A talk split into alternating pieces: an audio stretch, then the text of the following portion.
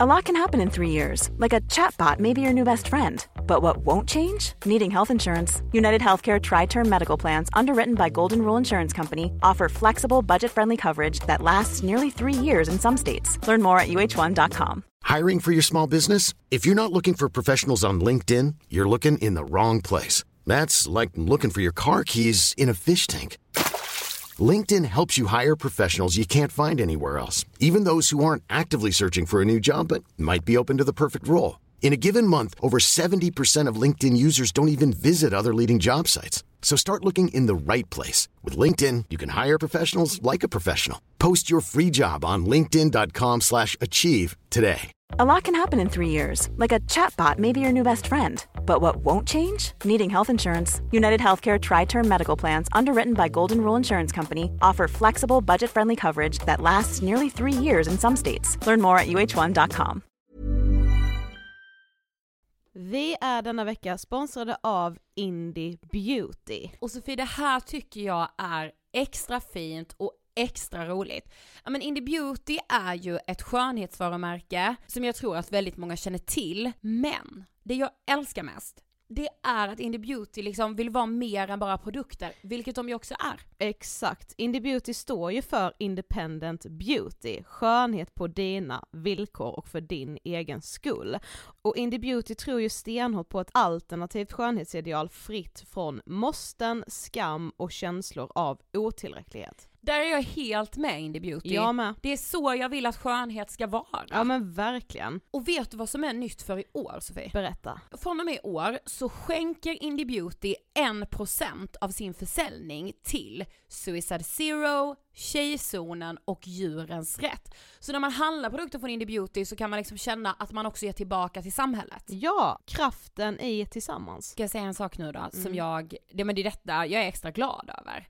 Nu har Indie Beauty tagit fram en keps och den tycker jag ändå så på sommaren, skyddar sig från solen, Jättebra, jag älskar kepsen. men det bästa, de bidrar till Suicide Zeros viktiga arbete för att minska antalet självmord och självmordsförsök.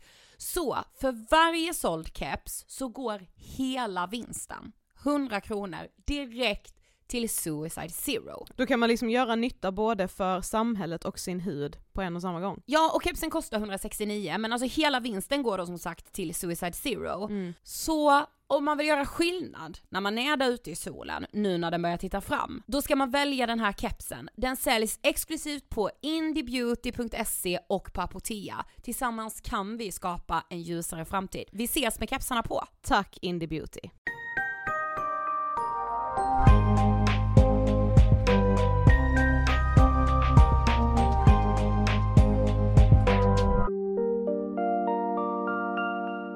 Hej på er och välkomna till avsnitt 455 av Ångestpodden. Välkomna ska ni vara! Till den 455 veckan av... Och förstår du Sofie att vår livepoddsturné börjar lida mot sitt slut? Ja, nu är det ju bara ett stopp kvar och det är ju alltså nu på söndag i Göteborg på Hotell Pigalle. Köp biljetter dit. Man kan säga också att vi växlar upp. Det gör vi verkligen. Vi liksom knyter ihop den här lilla livepods eh, turnésäcken tillsammans med artisten Elin Wig. Ja, alltså förstår du? Alltså min favoritlåt just nu är hennes låt People Please. Ja, den är faktiskt otrolig. Alltså jag började den skriven på, till mig, om mitt liv. Alltså Ja. för, ja men du vet när det- man verkligen känner att så här, det här är skrivet för mitt liv. Nej, det ska bli väldigt, väldigt mysigt. Så hoppas vi ses på söndag i Göteborg. Den här veckan ska vi ju prata om ett av de viktigaste yrkena som vi känner till. Verkligen. Vi har ju ett litet favoritämne i Ångestpodden skulle man väl kunna säga, vilket ju är elevhälsan. Ja. Och liksom landets elevhälsopersonal, alltså jag bara känner så, hur lyfter vi det här yrket så att statusen växer, så att lönerna blir högre och så att arbets, framförallt arbetsbördan blir normal. Ja, exakt.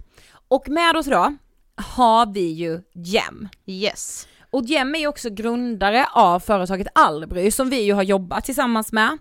Eh, vilket jag är jätte, jättestolt över, att det liksom finns bolag som vill jobba för en bättre elevhälsa. Ja, och Jem har ju själv jobbat som skolkurator så han kommer ju liksom inte från kanten så att säga, utan han startade ju egentligen Albry efter att ha själv upplevt var någonstans elevhälsan brister. Exakt. Ja men han kallar sig själv för socialarbetare och jag tror att har man också själv varit i de här yrkena och sett vad som går fel, vad det liksom brister, då finns det ju en sån oerhörd styrka också till förändring i det. Verkligen. Så nu rullar vi intervjun med Jem om skolkuratorer, elevhälsa och kanske också framtidens elevhälsa. Varsågoda! Hej Jem och varmt välkommen till Ångestpodden! Tack så mycket! Äntligen är du här! Tack! ja men du vet, alltså nu har vi ju ändå känt varandra ett bra tag. Ja. Och jag är jätteglad att du är i Ångestpodden nu. Ja. Nej, jag är också väldigt glad att vara här och sen eh, som, vi, vi har ju känt varandra ett tag nu sen ni började ert initiativ. Mm. Och jag tycker ju alla krafter som kastar rampljuset mot eh, elevhälsan, tycker, jag, min tro är att man ska samarbeta och mm. det, det är skitsamma om man liksom jobbar med poddar eller som skolkurator eller skolsköterska så tror jag mm. att vi måste hitta lösningen tillsammans på den här negativa trenden. Mm. Håller med. Men du, för de som inte vet, vem är du? Ja, den, den, ja. den eh. lilla frågan. Nej men eh, jag är utbildad socionom, för detta skolkurator och identifierar mig fortfarande som, eh, som socialarbetare skulle jag säga. Eh, men eh, jag blir ju också titulerad ofta som entreprenör eh, mm. för att jag är grundare till Albry. och det är väl en helt annan fråga om vad en entreprenör är en socialarbetare. Jag ser ju massa likheter där också så kanske vi kommer in på sen. Vad tänker du på när du hör ordet ångest? N när jag hör ordet ångest så tänker jag på, det är ett väldigt brett begrepp. så man kan liksom bryta ner det, det är det första jag tänker på för att jag blir så här, okej, okay, vad för typ av ångest? Mm. Men jag tror ångest grundar sig i något typ av magknip. Mm. Eh, och jag tror att tar man inte tag i det där, där och då, eller inom liksom närtid, så tror jag att det kan utvecklas psykisk ohälsa. Och eh, det är ju väl också någonting som jag har erfarit både personligen och eh, när jag jobbade som skolkurator att alla går runt med lite magont lite hela tiden. Mm. mm. Eh, men sen handlar det om att liksom få verktygen för att kunna hantera det, det magknipet liksom. Ja men just den identifikation, alltså att identifiera det, att det kan vara så svårt och speciellt när man är ung. Eh, att så, okej okay, vänta hur sätter jag ord på det här nu? Mm. Eh, man kan veta att det är något som skaver, men att just eh, formulera vad det är kan vara så svårt. Mm. Och det, det är det jag tycker är så intressant och så här, om jag får komma in på min profession lite grann och jag jobbar ju mot skolan och det är där mitt hjärta ligger också. Eh, och jag tror för oss i skolan, alltså all skolpersonal, så tror jag att det, det är det ansvaret vi har. Att försöka få eleverna att kunna identifiera mm. vad det är de faktiskt känner. Ah. Och sen kunna ge dem verktyg. Men sen också, den hårda sanningen i allting är att det är ingen annan som kan göra jobbet för Nej. dig. Och det är så, jag brukar dra den här jämförelsen med liksom övervikt, att så här, vill du gå ner i vikt, det är ingen annan som kan springa åt dig. Men, men du är född, och, eller du är uppvuxen i Flemingsberg? Stämmer. Hur, alltså hur ser du tillbaka på din uppväxt, hur var den? Eh, jag hade en väldigt eh, bra uppväxt skulle jag säga på väldigt många sätt. Eh, jag har haft ett starkt liksom eh, skyddsnät på mm. det sättet. Men jag kommer ju från en annan kultur. Mm. Ehm, där Ja men till exempel den stereotypiska bilden av en man eller en pojke är på ett visst sätt och kvinnorna är på ett visst sätt. Och det var ju någonting som jag satte mig emot ganska tidigt. Eh, och väldigt tidigt, eh, redan i dagis liksom och började reflektera över sådana saker. Eh, och pratade mycket med det, om det med min mamma, för min mamma var ensamstående. Och mm. vi har inga skilsmässor. Då hade vi inga skilsmässor, så jag var liksom det första skilsmässobarnet. Eh, och det var ju där de här känslorna och att jag identifierade vissa känslor men jag visste inte riktigt hur jag skulle hantera dem. Mm. Eh, och eftersom jag var tvungen att ta på mig en liksom roll som man och äldsta son och äldsta barnbarn Så blev det att det är inte okej att prata om det här heller. Mm. Men det är väl lite om min uppväxt, jag tycker den har varit väldigt fin, jag har haft ett fint skyddsnät men jag är väldigt emotionell Mm. eh, fortfarande. Nära till mina känslor och eh, det var inte okej när jag växte upp. Och speciellt inte i- ett utsatt område heller för den Nej. delen. Mm. Men när vi träffades första gången, minns du den lunchen när vi var på Såklart. kvarnen? Ja. Eh, Då berättade du för oss att eh, din skolgång var ganska stökig liksom. Mm. Vill du berätta?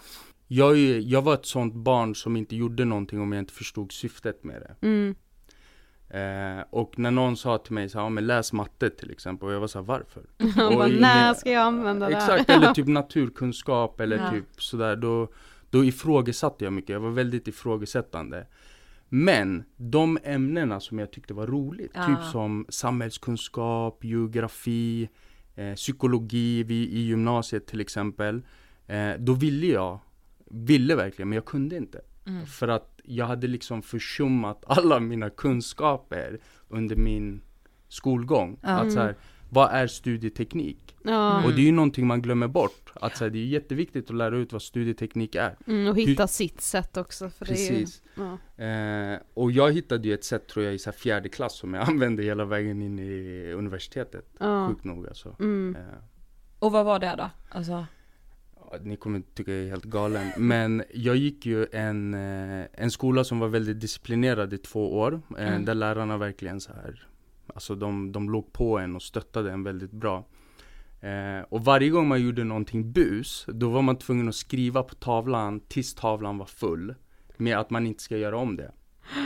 Men det fastnade. För mig. Eh, så när jag började plugga till ett prov, då kunde jag sitta och skriva tre, fyra A4 med meningar på liksom svaren på frågorna jag studerar till och sådär. Ja. Eh, och det är sjukt nog, jag gör det än idag. och då fastnade det? Ja, Mm. men det är ju sån slöseri med tid på något sätt. Ja. Ändå. ja, det känns ganska tidskrävande. Ja, nej men det, det var helt sjukt du vet, jag kunde sitta så här på den här white, eller stå vid den här whiteboarden och du vet bara skriva och skriva och skriva du vet tills man fick nästan skavsår i fingrarna. Eh, men det funkade ju. Men hur var ditt liksom sociala liv i skolan? Alltså hade du kompisar, hade du liksom Ja det var lite speciellt för eh, jag var ju också så här, jag gillade inte att spela fotboll, jag har aldrig gillat Nej, liksom mm. bollsport eller racketsport och alla, oftast den stereotypiska bilden av pojkarna är på rasten så spelar de fotboll och jag var Mm. ju sämst. Eh, för att jag inte gillade det helt enkelt, men jag försökte vara där och det gjorde ju också att man ofta hamnar i konflikt. Eh, och om jag får säga det själv så är jag ganska stark. Så, så jag var ofta vinnande ur den kampen. Mm. Men det ledde ju också till att jag liksom utvecklade på något sätt en en försvarsmekanism i mitt utagerande beteende. Mm. Eh, och sen när man blev lite så här, när man kom till gymnasieåldern så var det så här, men det här är inte hållbart liksom. Alltså, Nej. du kan ju inte hålla på så här liksom. Och eh, det- var liksom den det första början. Sen hade jag faktiskt jättebra skolpersonal under tiden som sa så här, men det är okej att, du vet, klättra i träd och tro man är indian typ. Ja. Mm. Ehm, och, Man eh, behöver inte spela fotboll. Mm. Precis, och det gjorde ju att jag började ju leka mer och mer för mig själv och sen började jag leka mer och mer med flickorna till exempel. Men det blev ju också att jag blev ett retmoment i det. Mm. Eh, men jag kunde ju försvara mig och sen började jag ju brottas och då, då byggdes mitt självförtroende ganska snabbt. Eh, men jag använde det på fel sätt skulle jag säga.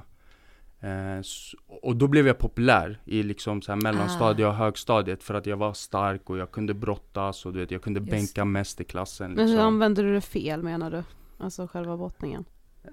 Nej men alltså det var ju, alltså jag brukar säga från mobbare till att bli, nej från att bli mobbad till att bli mobbare. Mm. Ja, Eh, försvarsmekanismen liksom. Exakt. Mm. Eh, och jag tyckte bara det var, jag visste att det var fel för jag har alltid haft en hög känsla av empati, alltså sen jag var barn också. Eh, men eh, sen var det en händelse som skedde på skolgården där jag såg någon blev allvarligt mobbad. Och då kände jag att jag var tvungen att agera. För att man ger sig inte på, alltså svar, man ger inte sig på någon. Mm. Nej. Men 90-talist som jag är, då var det så här, man ger inte sig på de som är svagare. Mm. Helt enkelt. Så då klev jag ju in och där så kände jag att så här, jag fick en bekräftelse av mina lärare att så här, fan bra civilkurage. Mm. Ah, mm. Och där så skiftade det nästan helt för mig. Att så här, okej, jag måste liksom hitta mig själv. Eh, och jag hade ju kuratorskontakt hela, Mm. Ja. alltså sen dagis. Ja, för du hade själv liksom ja men en relation med elevhälsan. Mm, Hur såg absolut. den ut? Alltså, Nej, den var fantastisk. Alltså, jag minns alla mina kuratorer och syvar än idag. Eh, och eh, de, jag brukar säga så här, eftersom jag var Jag var ju ett sånt- barn, om du sa gå höger så gick jag vänster. mm. Eh, och eh, jag brukar säga att de packade en väldigt fin ryggsäck till mig. Och tar med mig i livet. Ah. Eh, så när jag liksom fick den här, uh, du vet, wake-up callen, jag tror jag var 21. Med att säga, okej shit, jag måste skärpa mig. Får man svära förresten? Jag Ja. att jag- Vi svär hela tiden. eh, Ja. hela, Eh, hela jävla tiden. Nej men då, då märkte jag ganska snabbt att så här, när jag ville förändra mig och vara så här, okej men vart börjar jag? För vem Mm. ska jag prata med? Mm. Jag hade ju ingen i mitt nätverk på det sättet. Nej, mm. Eh, och då tog jag fram den här ryggsäcken och bara alltså successivt började bearbeta liksom med alla verktyg jag hade fått från kuratorer och syvar. För jag, det, jag, jag kan bli avundsjuk på, alltså på folk som ha, ha, visste det, alltså vi visste ju inte vem vår skolkurator var, alltså någon gång. Nej, Jag sen kanske inte så- jag, alltså jo det var ju väl liksom en period som jag nog hade behövt en kurator men då hade vi ändå skolsköterskan istället som Mm. gjorde ett jättebra jobb. Ja, verkligen. Eh, men jag hade liksom inte heller det här, upplevde inte att jag hade ett behov. Sen kan jag fortfarande tycka att det är dumt att man inte visste vem kuratorn ja, men i var. gymnasiet hade jag verkligen behövt en skolkurator. Ja, precis. Men jag hade liksom ingen aning vem det var typ. Nej. ens. Men det är ju här jag tycker, att så här, om jag får säga det själv, så det är ju här jag tycker det finns något slags systemfel. Och det är inte kuratorerna. Nej. Eh, Nej. Så man kan aldrig beskylla liksom elevhälsan, för man utbildar sig inte så länge för att inte göra ett bra jobb. Nej liksom. precis, precis. Eh, Men det här handlar ju om att så här, vi har inte tydliga riktlinjer vad vi ska göra eller hur vi ska göra dem. Eh, och vilka riktar man uppmärksamheten till? Det här är i samhället överlag. Du, Mm. riktar, eh, du riktar uppmärksamheten till där det finns problem. Mm. Ja, exakt. Det är samma sak, jag, jag brukar dra parallellen med gängvåldet idag Mm. eh, kontra hemmasittandet. Vi visste att hemmasittandet började 2015 Mm. och vi pratade om det fram tills idag.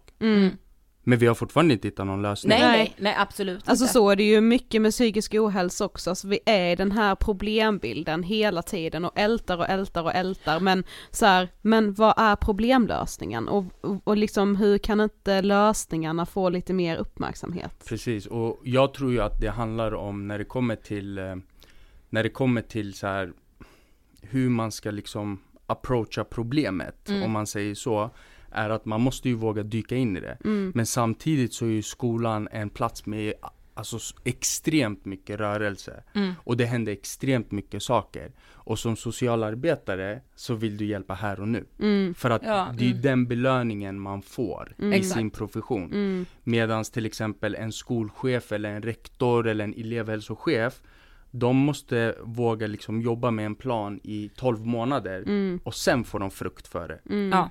Och det är lite skillnaden på hur professionen jobbar. Jag är mycket för det systematiska. Mm. Eh, och det var ju därför också jag valde att sluta från, eh, från eh, mitt yrke som skolkurator och satsa på det mer. Eh, för att jag kände att så här, man måste kunna rikta insatserna också. Mm. Eh, man måste kunna förstå att så här, tänk om det är eleverna, typ eh, jag ska, dra, jag ska dra en elevgrupp till exempel som jag tycker är extremt Man diskuterar den för lite Och det är ju de här duktiga flickorna Mm. Mm. Och alltså självskadebeteende Det är ju ofta flickor eh, Rent stereotypiskt och eh, varför, hur fångar vi upp dem? Speciellt när, när lärarna säger så här, "Åh, det här är min troféelev Mm. Mm. Så vilken ångest att vrida sig i magen och känna så här, åh, jag tycker det här är jättejobbigt Mm. Men samtidigt så här, nej men jag kan inte svika min lärare för man kanske har skapat en jättefin relation Ja, Mm. exakt. eh, Hur fångar man upp den elevgruppen? Mm. Medans de här torrpojkarna som jag kallar det, de hörs ju Ja, ja, Mm. verkligen. Och det är klart man kan rikta strålkastarna på dem Mm. Ja. Ja, och det där, många kan relatera till det du säger nu som lyssnar, kan jag säga. Eh, men ja, för det blir ju också, alltså när man är, när man presterar, då är det som att vi bara så här, nej men då finns det inga problem. Mm. Då är det bara kanon. Mm. Du skriver A på alla proven. Perfekt! Mm. Men som du säger, man kan vrida sig i ångest trots allt och ha enorma liksom bekymmer. Mm. Eh, Men vi ska vara kvar, li- vi kommer komma in mer på det här, vi ska vara kvar lite mer i din, i ditt liv och din uppväxt. Mm. För du blev ju liksom, vad ska man säga, rekryterad eller liksom approachad av kriminella gäng. Ja, och det, jag tycker ju rekrytering är ett väldigt hårt ord Ja. eh, att använda. Eh, men det är så det ser ut idag. På min Mm. tid var det inte så. Nej. Eh, men grejen var eftersom jag, jag hade liksom många fysiska attributer. Alltså jag var brottare, jag Ja, var stor, precis. jag var stark och, eller jag tror jag var stark. du är stark. Ja. eh, men, eh, och det, samhället som vi växte upp i, alltså vi tidiga 90-talister var att om du var stökig i skolan, då kunde de äldre i området säga åt en Just att det. sköt dig. Mm. Men när, det, när de förstod någonstans att så här, okej, Jem sköter inte sig. Då var det så här, hellre att du är med oss eller med okända. Mm. Och det var den typen av rekryteringen som fanns då. Ja. Medans idag, Ja. jag kallar det för grooming. Mm. Ja men det är ju det. Ja. Alltså, För att det finns, det finns en tanke från första början att Mm. den här ungen har alla fysiska attributer, den är liksom envis, den är bestämd eller hur man liksom väljer sin profil. Och sen börjar man sakta men säkert Mm. och jobbar in dem i det här. Medan på våran tid var det inte så. Nej. Och det var samma sak när jag, när jag snappade till där när jag var 21 Så var jag så nej men det, alltså Du vet jag kom in i vissa rum och var så jag, har inte gjort så här Nej. Jag är liksom snäll Mm. eh, Men kändes det otryggt? Alltså, Nej, eh, utan det var ju spännande mm. Men det var ju också den bekräftelsen jag behövde eh, För att när det blev, blev grövre och grövre Så då hade jag ju gått ut gymnasiet Så Mhm. jag hade ju inget socialt nätverk på Nej, samma sätt mm, för det blev sammanhanget. Liksom. Precis, Mm. förutom min idrott. Så jag brukar ju säga att eh, brottningen har ju räddat mig på så många olika sätt. Mm. För att jag har haft väldigt duktiga och snälla tränare som har brytt Mm. sig om mig genuint. Och klubbkamrater. Mm. Eh, som än idag, vi har ju kontakt, jag har inte brottats på jättelänge och Nej. vi har kontakt än idag. Eh, och det är ju sådana saker som jag tror blir viktigt. Men när du växer upp och du inte har ett sammanhang.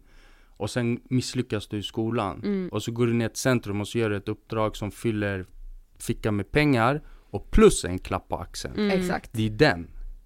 Det är inte pengarna. Nej. För att när du är barn så handlar det om att äta sig mätt och ha tak över huvudet. Mm. Men det handlar om att få den här klappen på axeln. Mm. Och exakt. bli det där, vara med i ett sammanhang liksom. Och få känna sig duktig om man Mm. inte liksom får uppleva det i skolan. Mm, mm. Men vad var det som ändå fick dig, alltså var det bara brottningen skulle du säga som fick dig att liksom inte fastna där i kriminaliteten? Eller liksom? Nej, alltså, ja jag vet inte. Men jag tror det var en rad olika saker. Eh, jag tror den största saken var väl den att eh, när det blev liksom grovt på något sätt och jag gick in i de här rummen och såg de här människorna. Eh, då blev jag nästan skrämd. Mm, Eh, och blev lite så här: okej hur lever man med det här? mm, Du vet med allt de hade gjort liksom. Eh, och sen ska man kolla dem i ögonen och säga så kollar jag för länge? Du vet. mm, Eh, och, och då började ju man få ångest mm, över att, du vet, magknipet liksom. Eh, och sen gick man hem och sa ah, men uppfattade jag det där konstigt? Och då blev det ju liksom inte kul längre. För Nej. att det började ju med bus. mm, Och sen blir det ju någonstans grövre och grövre. Ja, så slår Mm. det över liksom. För att när du kommer till en viss nivå, då börjar du jobba med yrkeskriminella. mm, Och de har redan bestämt sig för att det är så här de ska leva. mm, Och när man är ett litet barn, eller jag var ju inte ett litet barn, men när man är liksom 20 år och Mm. ganska vilsen Så blir det ju så här, nej, det, nej. mm, Nej. Ja men för du liksom, du kommer ju ifrån det här och du börjar studera till socionom. Mm. Hur, alltså hur blev du socionom?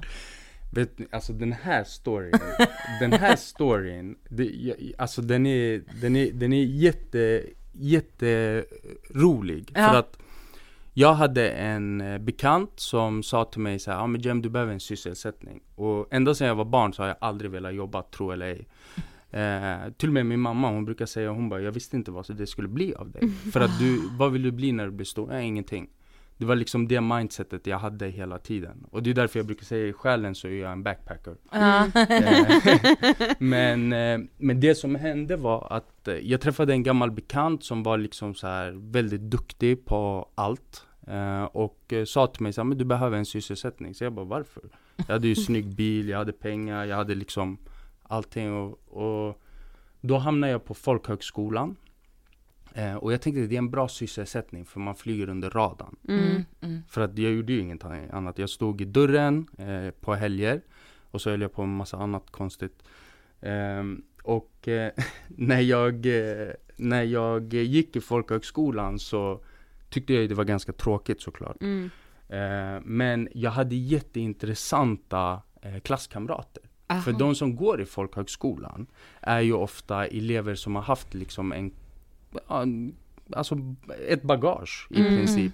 Så det fanns ju en rad olika bagage där inne. Och för mig, det var ju som ett smörgåsbord. För att jag är väldigt nyfiken. Och jag frågar mycket och du vet, så här, jag gillar kulturer. Så jag började ju bara, du vet, så här, steg för steg prata med alla. Men sen märkte jag ganska snabbt att jag började hjälpa människor. För att jag, jag hade ju språket. Jag kunde ju om jag ville, det var bara att jag inte ville liksom. Mm.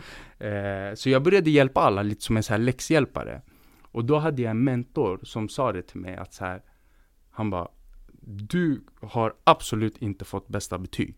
Men du kommer få bästa betyg om du söker in till en eh, utbildning där du antingen jobbar med pedagogik eller socialt arbete. Mm. Och grejen är att det är 2% från folkhögskolan som kommer in i universitetet. Aha, Så det är mm, två På den på- kvoten liksom. Exakt, Ja, det är 2 på. 100. Ja. Och jag bara kollar på honom och jag bara, ska du ge mig bästa betyg? Om jag bara klickar på några, du vet, på antagning.se. Han bara, ja, men jag ska se att du gör det. Mm. Och så gjorde jag det. Och då fick jag ju bästa betyg och du vet, alla i min familj var så Oh, Jem klarade folkhögskolan! du vet, här, och du vet, jag fick min klapp på axeln och Ah. då tyckte jag det var roligt. Mm. Eh, och så kom jag in på socionom. Och det är ju alltså två på hundra. Och jag är ju sån, jag tror lite på ödet också. Mm. Så jag var så här, okej, och så var jag så här, ah, jag är spänningssökande och jag har fått lite nog av det här. Det är inte liksom lika roligt längre. Eh, och då var det en eh, vän som sa till mig så här, som jag hade eh, utanför skolan, som sa så här, men nu kan du ju börja om. Mm. och jag var så här, ja, spännande. eh, så jag tog mitt pick och pack och drog till Örebro universitet. Eh, och lämnade allt bakom mig.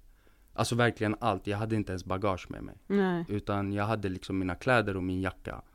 Eh, och så tänkte så här, vi får se vart det leder helt Mm. enkelt. Men hur blev det sen skolkurator? Och jag ville ju, när jag kom dit och Mm. hade du vet, packat upp här, den här ryggsäcken som jag pratade om du vet, när jag var 20, för det, det började ju i Örebro där. Mm, eh, mm. Då började jag ju liksom okej men vad vill jag göra? Och då ville jag ju bli som skolkuratorerna som jag haft. Mm. Fy fan vad fint. Eh, och lärare Mm. eh, också. Så här, jag ville jobba i skolan för att det här är, jag har ju haft väldigt hög närvaro i skolan som barn. Mm. Men jag har haft sämst betyg. Ja, Ja, mm. du har varit Och- där men inte varit där. ja. Och när jag började gräva i mig själv, när jag började plugga så kom jag fram till att det handlar om att det var ju min enda trygga plats. Mm. Eh, så då ville jag ju göra samma för andra barn. Eh, så det var så jag kom in på liksom att ville bli skolkurator och sen när jag började plugga, för jag är ju ganska rebellisk också. Ja. Att så här, sen barn, att så här, varför ska jag göra det här? Nej men jag förstår inte. Mm. Eh, och då började jag läsa och sen kom jag ihåg att jag ifrågasatte, ifrågasatte mina, vad kallar man det, lektorer? Mm. ja, precis. Eh, och sa så här, varför läser vi inte om skolsocialt arbete? Mm. Och då blev jag nästan besatt av frågan. För att jag blev så här, 90% som sitter här inne vill bli skolkuratorer. Men ändå så pluggar vi inte så mycket skolsocialt arbete. Nej. Ja. Varför? Mm. Och då började jag liksom nörda ner mig och du vet. Så det var den vägen i princip. Så blev det en besatthet som aldrig har försvunnit Den nästan. där, Aldrig har. Ja. Men, men när du då börjar som skolkurator, Mm. vad upptäcker du för brister i liksom, i yrket? Eller förutsättningar? Ja, alltså den stora grejen som jag reagerade på, som var min första wow-upplevelse var när jag kom till skolan och började jobba som skolkurator, var Mm. jag såhär, ingenting har ju förändrats sen jag gick i skolan. Mm. Mm. Och då, då pratar vi liksom 15 år sedan. Mm. Eh, och det var ju min största så här, wow, varför? Och då fick jag den här det gnistan igen som jag hade i universitetet. Varför pratar vi inte om skolsocialt arbete? Det var samma liksom Mm. Samma känsla som Mm. uppstod nästan och jag hade jättebra rektorer som också, de gödde den här elden. Mm. Ja, Eh. Mm. Så de var så här, men gör något åt det då. För att det är ju det, man måste ju ofta visa genomförandekraft. Mm. Eh, för att det är lätt att säga vad man vill göra men sen handlar det om att faktiskt göra Ja saker. precis, precis. Men vad var det som var svårt med att vara skolkurator? Alltså, jag vet inte, jag tycker det är världens roligaste yrke om jag ska vara ärlig. Men det som var svårt var ju den här känslan av uppgivenhet. Mm. Mm. Eh, som man ofta kände som inte var eh, Som inte var, vad säger man, legitimerad eller? Mm. Ja, Mm. Eller alltså den var inte legit Mm. liksom. eh, Den kunde vara jobbig. För Mm. att man var alltid otillräcklig. Mm. Mm. Och det är så här, jag vill inte vara otillräcklig. Utan det är så, det är så här det är. Mm. Eh, och sitta pedagogiskt och prata med eleverna och de säger nej men du har inte tid för mig. Mm. Och då, du vet, jag bara satt där, "Men du förstår inte vad jag gör, alltså om dagarna och du vet Ibland kunde jag sitta där på rummet och bara du vet, klia mig i huvudet och bli ledsen liksom eh, Och det var ju inte heller en bra känsla att gå, alltså Som socialarbetare, du jagar ju den här, åh oh, jag har hjälpt någon Mm. Ja såklart. Såklart. Och många pratar inte om det heller, att så här, socialarbetare, vi, vi är ju ganska egoistiska varelser För att vi jagar ju att göra någon annan glad Mm. Det är ju våran lycka Mm. Men vi får ju någonting utav att göra någon glad. Såklart. Mm. Så då blev det ganska jobbigt för mig. Eh, och då började min rektor, jag hade som jag sa en jättebra rektor som såg det i mig. Hon brukade säga du är som en liten, alltså du är som ett lejon i en bur. Mm. Eh, hon bara jag ser att du, du vet, du börjar liksom typ bli grå nästan. Mm. Mm. Eh, och då, då började jag liksom snickra på en idé i princip. Eh, som tände glöden igen, om man säger så. Ja, för det här tycker vi ju är liksom otroligt. Men till slut så blir ju du Snapchat-kuratorn. Mm. Du måste berätta om hela det. Ja, så jag skrev min C-uppsats eh, där igen skolsocialt arbete släppte Ja. inte det liksom. Eh, och då hade jag en jätteduktig lektor. Eh, jag måste göra en shoutout. Runa Bajenstovo. Hon är grym. Mm. Eh, men hon såg ju det här att jag hade liksom gidrat så länge. Vi var ju inne i tredje året alltså. Ja. Och jag fortfarande liksom, jag kämpade. Mm. Eh, och då sa hon så här, hon bara nu har du fyra månader att göra det du faktiskt brinner för. Så gör den tiden värd. Mm. Mm. Så. Och då tänkte jag, okej jag ska intervjua ungdomar. Och jag ska intervjua, mm, jag ska intervjua behandlingspersonal. För att det var svårt att få tag i eh, kuratorer för att de är så överallt hela tiden. Mm. Eh, så det var ju några liksom kuratorer, några be behandlingsarbe- alltså i behandlingshem och sådär. Mm. Och det de kom fram till gemensamt var att det viktigaste för att få alltså en relation och få liksom vad säger man? För att få liksom en förändring. Mm. är att man måste våga prata om det vardagliga och man Mm. måste våga ha vardagliga samtal. Mm. Att så här, gå förbi varandra och säga hur mår du? Men faktiskt lyssna på hur personen Svaret. mår. Ja, Ja. precis. Inte bara ställa frågan Mm. för att. Eh, och då, jag, alltså den här kvällen var sjuk. För att jag kommer till mitt, till mitt studentrum då och bara, aha, varför är det så här då? Hur, hur kommer det sig att vi inte har någon lösning? Mm. Och då var Snapchat ganska nytt. Ja. Det här var ju 2016 eller 2017. Mm. Eh, och jag snapchattade, jag tyckte det var jättekul och jag, i min umgängeskrets så är jag den första som har använt Snapchat väldigt flitigt liksom. Mm. För jag tyckte det var roligt. Eh, men då så var jag så här, vet du vad? Jag ska göra ett eh, Snapchat-konto. Och bara chatta vardagligt med ungdomar och kolla vad som händer. Eh, och så gick jag, dagen efter så träffade jag han jag skrev C-uppsatsen med, som heter Simon. Eh, som sa så här, men är du på det här? Jag sk- vi ska liksom bemanna det här. Eh, och det, det blev ju inte hanterbart för vi hade typ så här 4000 följare på typ, jag vet inte vad det var, alltså 3-4 månader kanske. Ja. Och då kopplades en annan av våra medgrundare in och var lite så här, ah, okej men det här är ju en affärsidé. Men jag var så envis med att säga nej, det här är någonting som ett arbetssätt. Det här är ett projekt för att man ska införa och implementera. För jag kommer ju från föreningslivet, Mm. alltså med idrotten och så. Mm. Jag trodde det var så man gjorde saker liksom. Mm. Och det är säkert så man gör saker också. Mm. Och det var det. Eh, och sen blev det inte hanterbart och helt plötsligt så hade vi liksom så här tio kuratorer som jobbade ideellt för att bemöta de här ungdomarna på olika pass. Så, Så- då hade alla de tillgång till ett och samma Snapchat-konto. Liksom? Oh. Eh, och det var där det började och sen blev det ju inte hanterbart. Nej. För att ett, så här, hur länge ska man jobba ideellt? Mm. Eh, två, det är inte ens våran plattform. Mm. Och när jag började liksom jag är ju också väldigt systematiskt lagd, så jag var så här, okej okay, vad pratar ni om? Och så skrev jag det i ett excel. Mm. Ja. Och så höll jag på sådär liksom. Eh, och då förstod jag att, okej okay, sjunde klass, ja men de är missnöjda med det här. Ja. Och då började jag ju liksom så här, du vet alla pusselbitar bara föll på plats och så grundades Albry. Ja. Eh, med då en annan medgrundare som byggde hela verktyget. Hiring for your small business? If you're not looking for professionals on LinkedIn, you're looking in the wrong place. That's like looking for your car keys in a fish tank.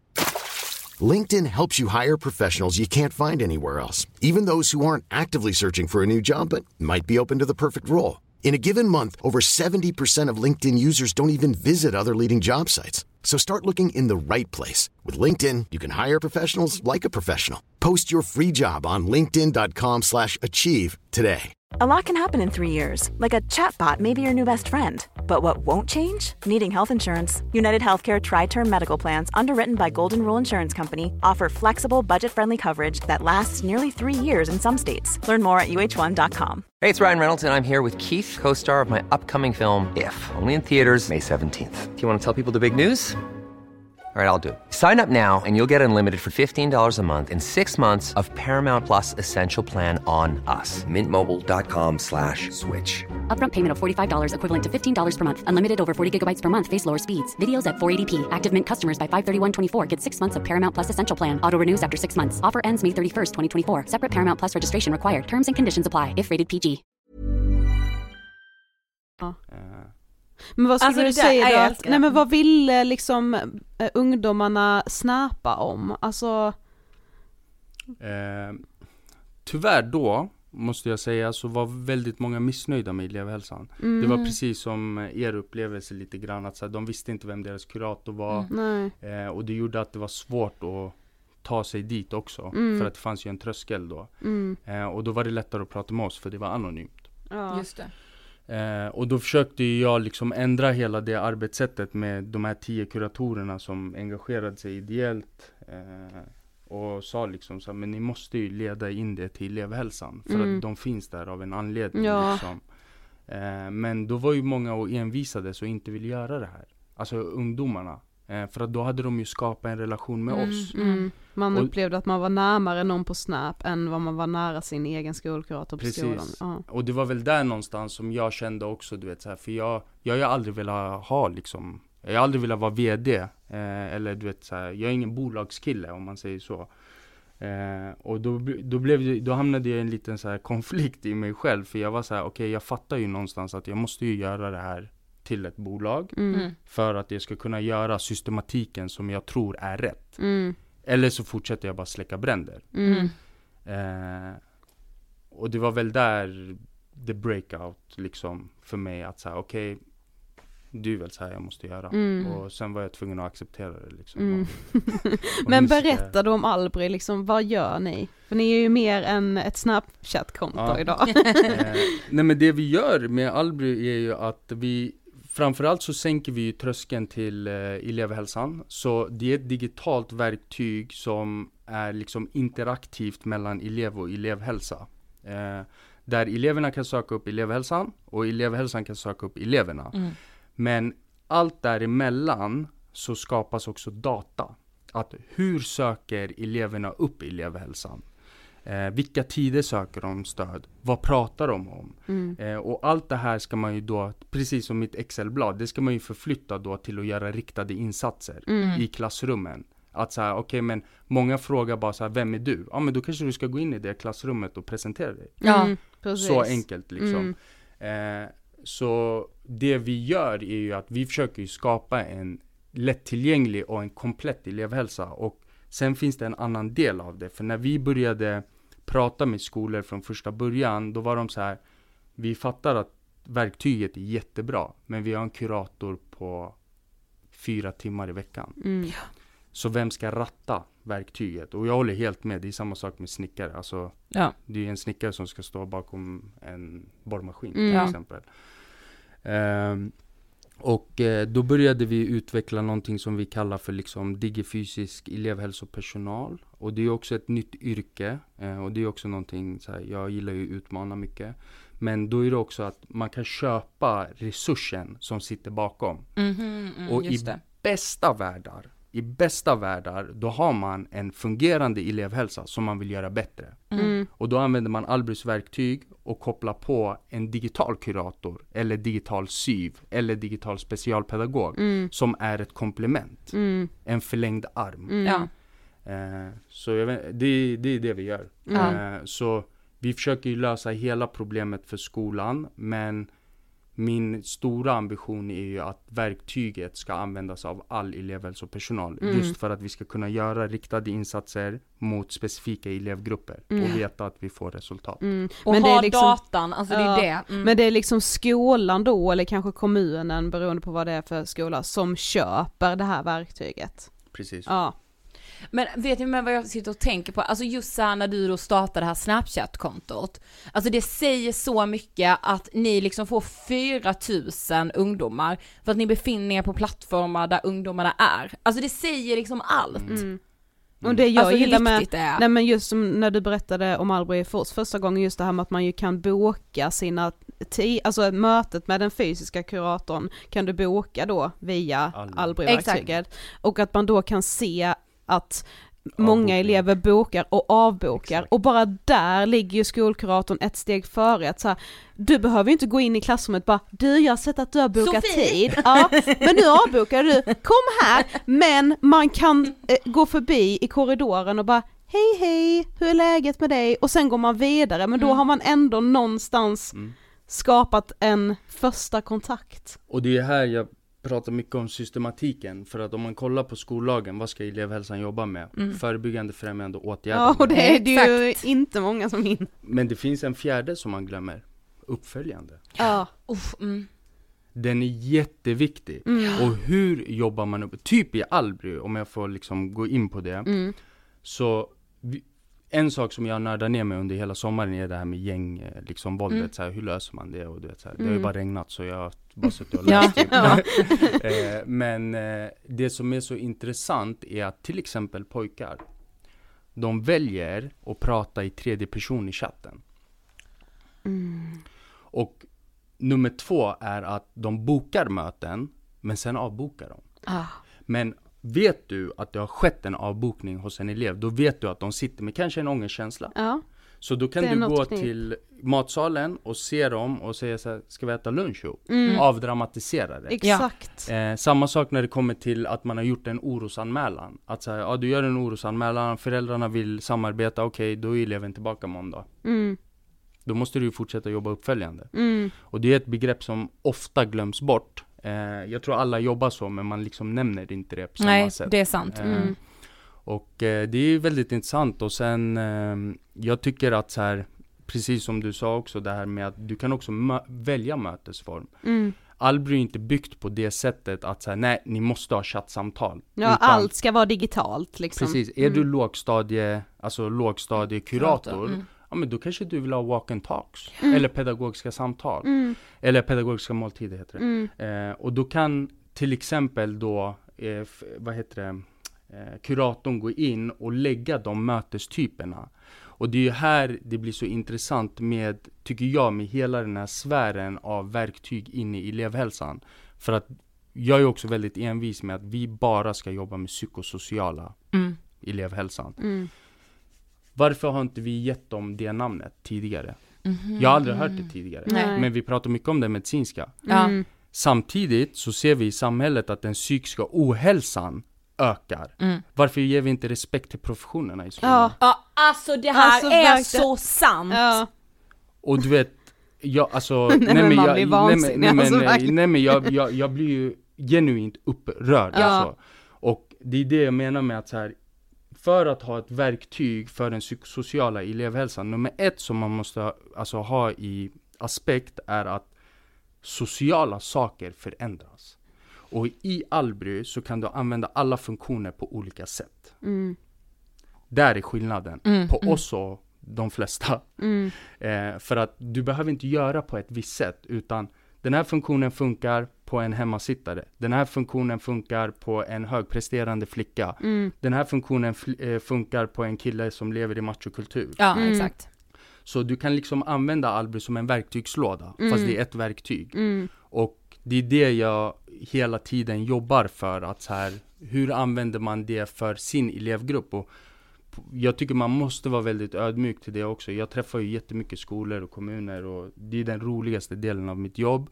Eh, men där brukar jag säga, jag, jag, jag kan inte ge rätt svar på hur ni ska jobba med Alby i er skola. Nej, nej, precis. Eh, men jag har några best practices. Mm, exakt. Så ja. när ni förstår varför liksom saker och ting blir som det blir, ja men då kanske jag kan dra en parallell med en skola som ligger i Skåne. Mm, Ja. precis. Och liksom stötta er i det, men jag kan ju inte gå in och göra den annan. Du, alla känner sin skola bäst. Mm. Ja, ja, ja, exakt, så är det ju.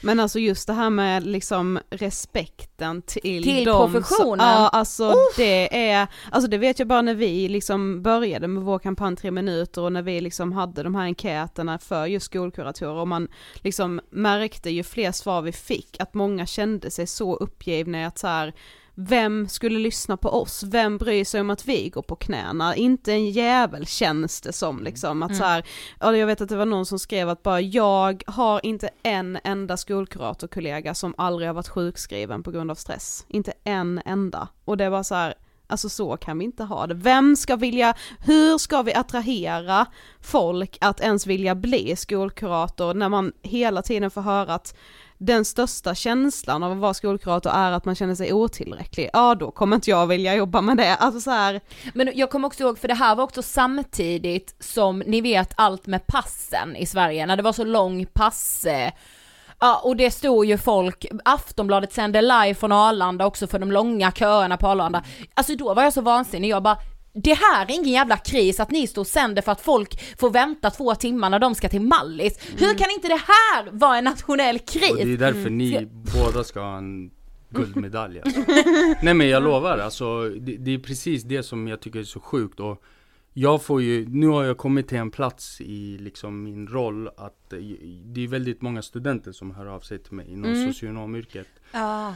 Som studerar och eh, de är så här, vad tycker du vi ska göra? Mm. Och jag, jag är ju ganska ärlig som människa och jag säger som det är. Eh, och jag säger, men för att vi ska kunna göra en förändring så måste vi också våga göra en revolution. ja, Som jag ofta Ja. säger. ja, Eh, men att inte ge respekt till liksom professionen och sen förvänta sig andra resultat Mm. när vi inte får verktyg. Och det här försöker jag säga hela tiden, att så här, det är inte fel på de som jobbar. nej, Nej. Utan det är, det är System. systemet Det är på systemfel. något sätt. Ja. Och, och ibland så finns det rektorer som lyssnar på kuratorerna och det är ju Absolut. fantastiskt, men det är enstaka fall. Ja. Mm. Men bara den här benämningen, att jag känner mig ganska stolt och om jag skulle säga så, men jag jobbar med den psy- psy- psykosociala problematiken i skolan, Mm, till exempel. mm, Eh, det skulle ge mig en helt annan roll och en helt annan liksom, vad säger man? Eh, och sen finns det något annat som jag tycker är jätteintressant. Att eh, jag får också höra från nyblivna socionomer mm. som hör av sig på LinkedIn. Eh, och jag försöker ge den tiden jag kan för att jag vill ha samma stöd. Ja. Eh, och då vill de omskola sig. Mm. De När de... precis har kommit ut liksom. Ja, alltså det är för jävligt. Och vad händer med våran profession? Ja. Alltså, det är så här, va- vart Det känns bara som att den håller på att nötas ur liksom, alltså. Och vi hade ju så lite så rädd. här eh, off record talk om AI till Mm. exempel. Samma sak, en AI kan ju aldrig ersätta socialt arbete. Aldrig. Nej, Aldrig. nej. Så om vi aldrig hittar moroten för att få socionomer eller ja men syvar och vara kvar i sitt yrke, Mm. då kommer vi ju inte ha kvar dem sen. Nej. Och då kommer den här psykiska ohälsan bara fortsätta öka. ja. Mm. Och då sitter vi liksom, vi sitter ju i princip redan i en ny pandemi Mm. med eh, gängvåldet. Mm. Men det kommer bara bli värre. Ja, det För att nu börjar hemmasittarna komma på ytan igen. Ja, Och ja, jag vi har tänkt göra ett avsnitt om hemmasittare också faktiskt. Men okej, om vi tänker så här då, vad skulle du säga om vi ska på, ta på oss lite ära, utöver då vår kampanj tre minuter och maxtaket, det vill ju vi jättegärna se på plats. Men vad skulle du liksom se, vilja se för nationella förändringar kring elevhälsan? Alltså tänk lag eller tänk liksom eh, attityd, alltså om du får tänka stort, liksom statligt. Ja. Ja. Jag tror, ja jag vet inte vad jag tror alltså. Det är en väldigt stor fråga. Jag tror att vi måste få liksom den statusen. Men samtidigt så tror jag att eh, jag, jag skulle vilja se ett krav på att elevhälsan är hela skolans ansvar. Mm. Och det, det har vi i och för sig gjort nu med det systematiska kvalitetsarbetet, att det ska ingå bla bla bla. Men jag menar mer att så här, okej hur får vi in BUP? Hur Mm. får vi in polisen? Hur får vi in socialtjänsten? Och faktiskt ha fokuset på eleverna. Eh, och vi har ju sådana möten men de är inte riktigt liksom fungerande i de större liksom kommunerna. Men vad skulle du säga att ni, alltså via Albry, eh, vad märker ni att det finns för orosmoln just hos skolkuratorerna? Vad är de oroliga för? Eh, men det är ju den här med otillräckligheten. Mm. Och det är det jag tycker är ganska skönt för nu, eh, vi har ju hållit på med Arbete sedan 2018. Mm. Eh, så vi är inne i vårt tredje läsår med kommuner och skolor. Mm. Ja, just Eh, och då lär vi oss bara mer och mer och mer. Eh, och det vi har sett med Albry i alla fall, är att vi vet att elevhälsan upplevs mer tillgänglig med Albry. Mm. För att det finns ytterligare en kontaktväg in. Just det. Ja, Så det är liksom, det är redan klappat och klart om man Mm. säger så. Eh, men kuratorer känner också att de får en struktur på sitt arbete. Och det kan också skapa ett lugn Mm. för att man kan ge sig själv en klapp på axeln. Ja, verkligen. man, se, man, man behöver inte bara gå runt med den här otillräcklighetskänslan för man ser också att, men detta har jag ju faktiskt fått gjort Precis. också. Även om jag inte hann allt jag hade velat idag, så har jag ändå gjort det här och det här och det här. Precis, och det är ju också samma sak med det underlaget som vi kan ta fram. Så om det skulle vara någon, för det finns ju alltid någon som säger ah, men elevhälsan gör inte tillräckligt. Mm. Det kommer man inte ifrån, så är det i alla branscher. Mm. Eh, men ger du det här underlaget att det här har jag faktiskt gjort. Och Precis. då skapar man en stolthet. Mm. Ja. Och det är ju därför jag brukar hela tiden säga att så här, det låter sjukt att jag är VD och säger det, men det behöver inte vara att det är Albry som tar fram den här datan. Men datan måste fram. Mm. Verkligen. För att vi vet inte hur många gånger, typ till exempel, det knackar på dörren här. Vi vet inte hur många som kommer in och ut, eller hur? Mm. Nej. Mm. Men om vi skulle kunna visa för en mentor att så här, du har haft 10 elever som har kommit till mig senaste månaden. Mm. Den där läraren kommer inte säga då att så här, ah, du gör inte ditt jobb. Nej. Nej. Och kunna visa de sakerna. Men om du, jag tycker ju att Albry är byggt på ett så smidigt sätt att det går snabbt att göra de här sakerna. Men vill du göra det själv som jag gjorde i Excel, så kan du göra det. Men då måste du avsätta liksom en timma Mm. för den adminen. Mm. Mm. Eh, och det är ju sånt som jag tycker är jätteviktigt. Jag skulle vilja att vi kartlägger hur många besök som görs hos elevhälsan. Ja, Ja, word. att inte det redan Nej, gör, men precis. och att det inte heller finns något register över hur många skolkuratorer det finns idag, bara det är ju med Mm. helt sjukt, för då kan man inte heller, alltså skulle man tillsätta jättemycket mer resurser så har man liksom ändå ingenting riktigt att jämföra med, för det har inte liksom Mm. dataförts, Nej. typ någonting. Nej men det finns ju ett hum hur många det finns, men det är Mm. igen ett hum liksom. Mm. Ja, jag läste, jag kollade faktiskt det igår på Sveriges kommuner och regioner och då står de så, ja, eftersom vi har mätt på olika sätt så är det väldigt känsligt att jämföra från år till år. Mm. Var en så brasklapp. Men mät bara, på ja, samma sätt då, ja, och jag var så, jag satt där och läste och tänkte, mm, Åh det är så jävla ja. flummigt bara Nej, men alltså. anledningen till varför jag skulle vilja se antal besök, för att det skulle vara intressant att se kopplingen till besök eller ärenden i elevhälsan och sen vart det leder. Mm. Att är det liksom, säg att det är 10% av skolan som besöker elevhälsan, Mm. men det är 10% som också inte har gymnasie eller universitetsbehörighet. Ja, vad Då ser det man för... en direkt koppling. Ja. Mm. Och det är det, jag har fastnat på det här begreppet att liksom alla pusselbitar faller på plats Mm. när man har data. Ja. Mm. Men sen också, samlar man data så har man också ett ansvar att göra något åt det. Ja, Mm. precis. Att se till så att den förändras. Sker, exakt. Mm. Men vad, vad tror du, alltså om man då tänker liksom, vad finns det för alltså risker med att ha en eftersatt elevhälsa? Att inte satsa från politiskt håll på elevhälsan? Nej men jag tror alla vi är ganska enade om att här, det är jättesvårt att lära sig om vi inte mår bra. Eh, och det är ju därför jag tycker, igen, det är, alltså psykiska ohälsan ökar. Den psykosociala elevhälsan får liksom inte rätt resurser. Vi är eftersatta, vi känner oss uppgivna, jada jada jada. Eh, så varför gör man ingenting där? Eh, så jag tror ju allting börjar i elevhälsan. För att du måste både fånga upp barnen, men sen också du vet, packa deras ryggsäck med verktyg Mm. för framtiden. Och Mm. ibland så kan jag träffa du vet, rektorer och skolchefer och jag älskar när de säger så här. Jag är inte så superintresserad av att nå utbildningsmålen. utan jag vill forma starka vuxna. Ja. Åh, Och då jag blir så här, älskar dig. ja, ja, alltså ja. Bra civilsamhälle Precis, liksom. men, men den skolledaren vet ju att det går hand i hand. Ja. Mm, mm. Att så här, det, det är inte så här, okej men den kan försumma hela sin utbildning bara den mår bra. Det är inte det de menar. Nej, de men förstår ju att så här, mår de bra så kommer de lära sig. exakt. Mår de inte bra, då kommer de ändå inte klara skolan och då Nej. kanske de kan packa upp sin ryggsäck. Mm. Ja men jag Ja. tänker på, vi, vi, har, vi, vi nämnde henne för dig innan, Evelina eh, som är skolkurator Mm. som har varit en del av tre minuter. Mm. När hon, hon sa det att så här, eh, när man mår bra lär man sig och lär man sig mår man bra. Mm. Och jag bara gud, alltså det säger allt och nu sa ju du också det så jag tänkte verkligen på det att så här, det där genomsyrar ju och säger så mycket. Mm. Och, och det kan jag med bli, alltså ni vet, ja men när man, när man hör då att så här, åh den skolans resultat är så bra, den skolans resultat är så bra, varför pratar vi inte om hur eleverna mår på varje skola? Det är väl mycket viktigare, hade jag varit förälder hade jag väl velat eh, se, ja men hur mår eleverna på den här skolan? Skit i hur mycket, vad de går ut med för betyg, nej inte skit i helt såklart, det är också Ja. viktigt, men också hur mår eleverna på den här skolan? Mm. Men det är ju också den här problematiken med att eh, vi vet ju att största delen av utanförskapet, och utanförskap är också ett brett begrepp, det Mm. finns olika typer ju. Men den största delen av utanförskapet grundar ju sig i ett skolmisslyckande. Ja. Mm.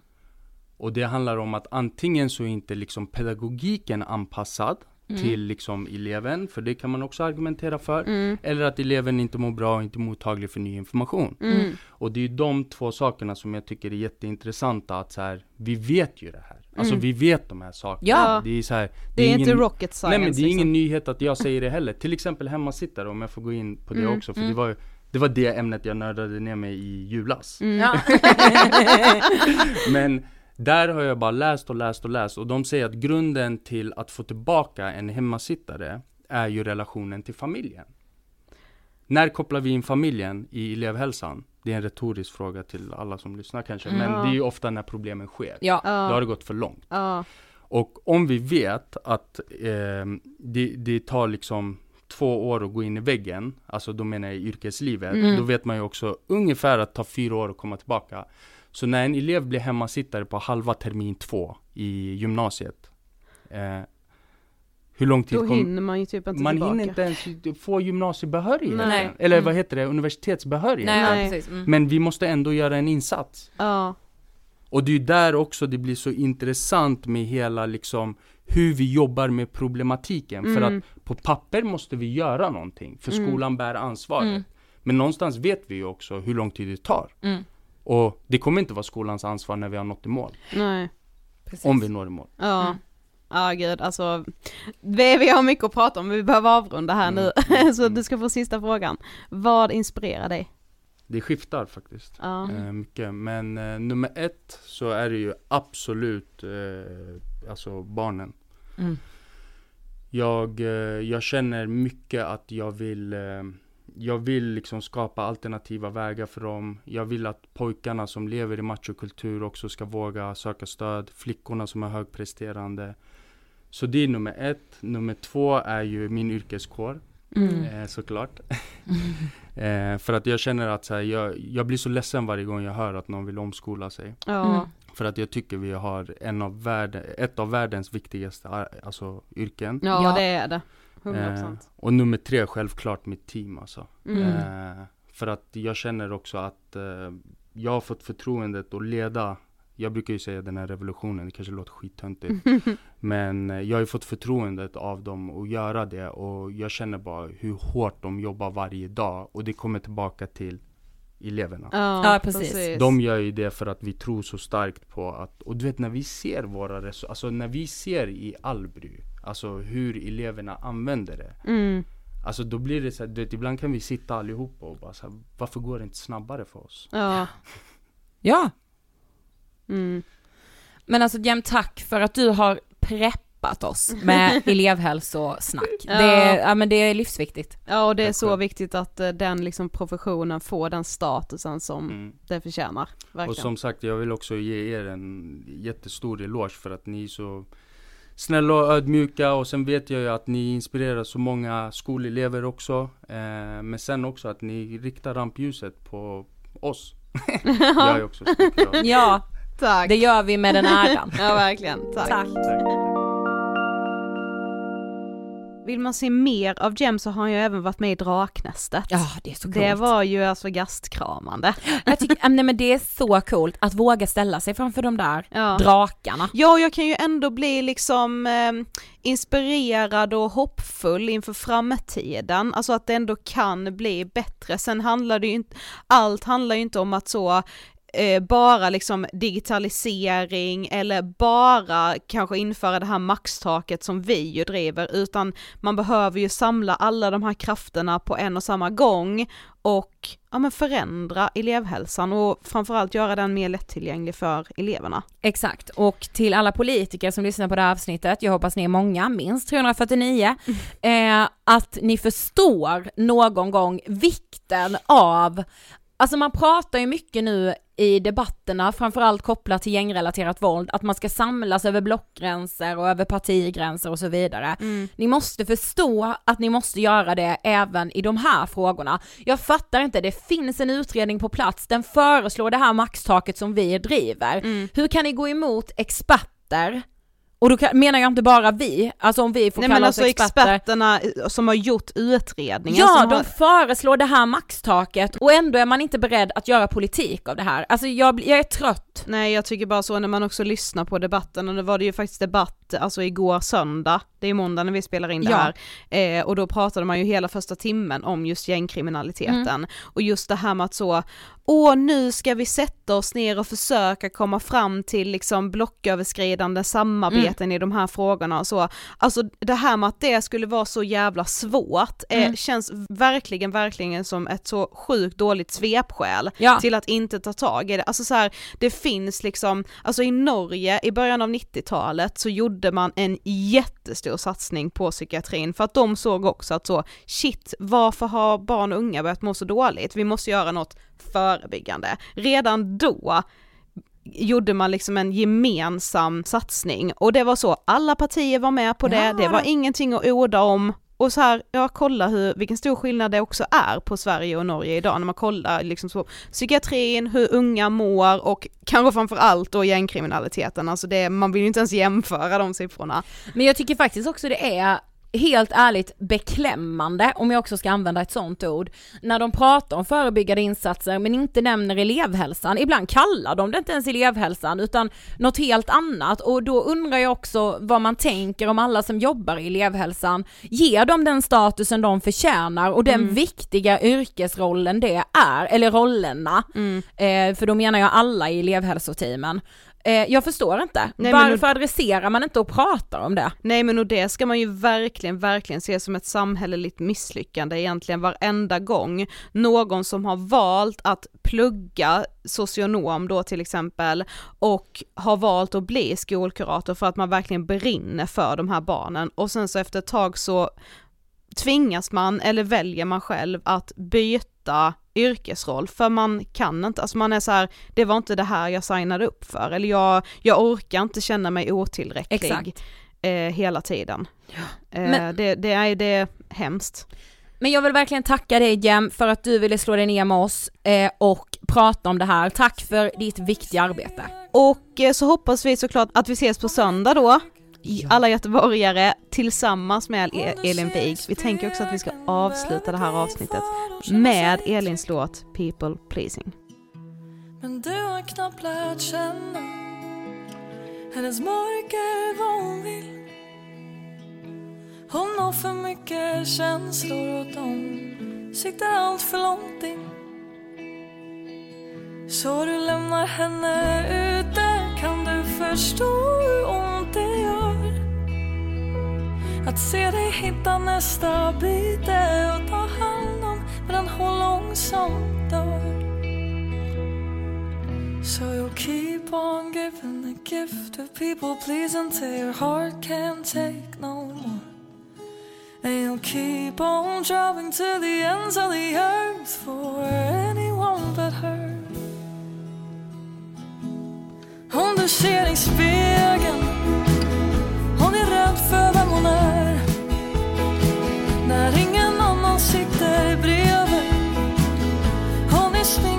ingen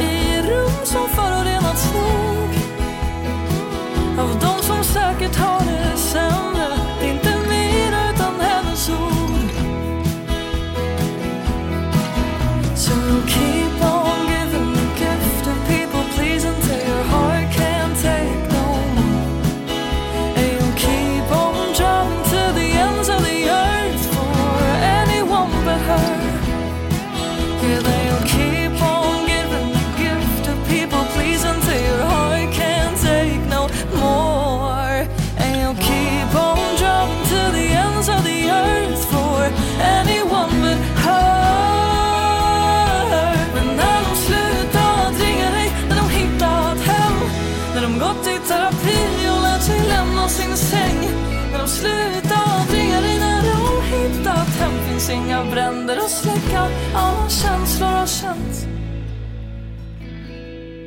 And they'll keep on giving the gift of people please until your heart can't take no more.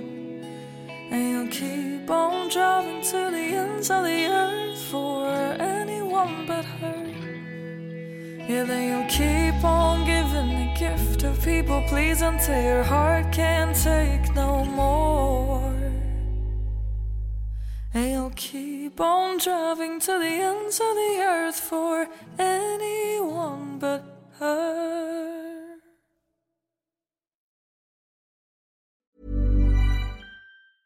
Hey, it's Paige DeSorbo from Giggly Squad. High quality fashion without the price tag. Say hello to Quince.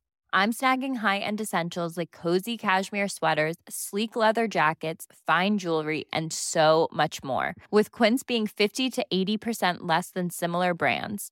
And they partner with factories that prioritize safe, ethical, and responsible manufacturing. I love that. Luxury quality within reach. Go to quince.com slash style to get free shipping and 365 day returns on your next order. Quince.com slash style.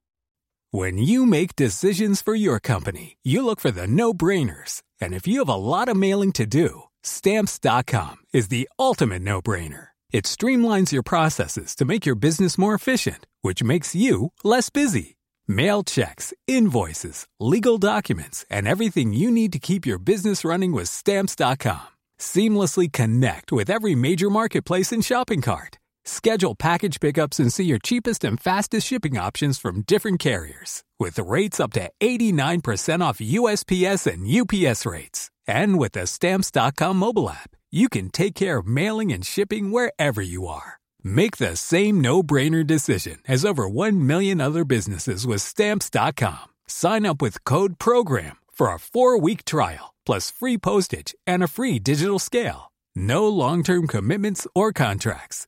That's Stamps.com. Code PROGRAM.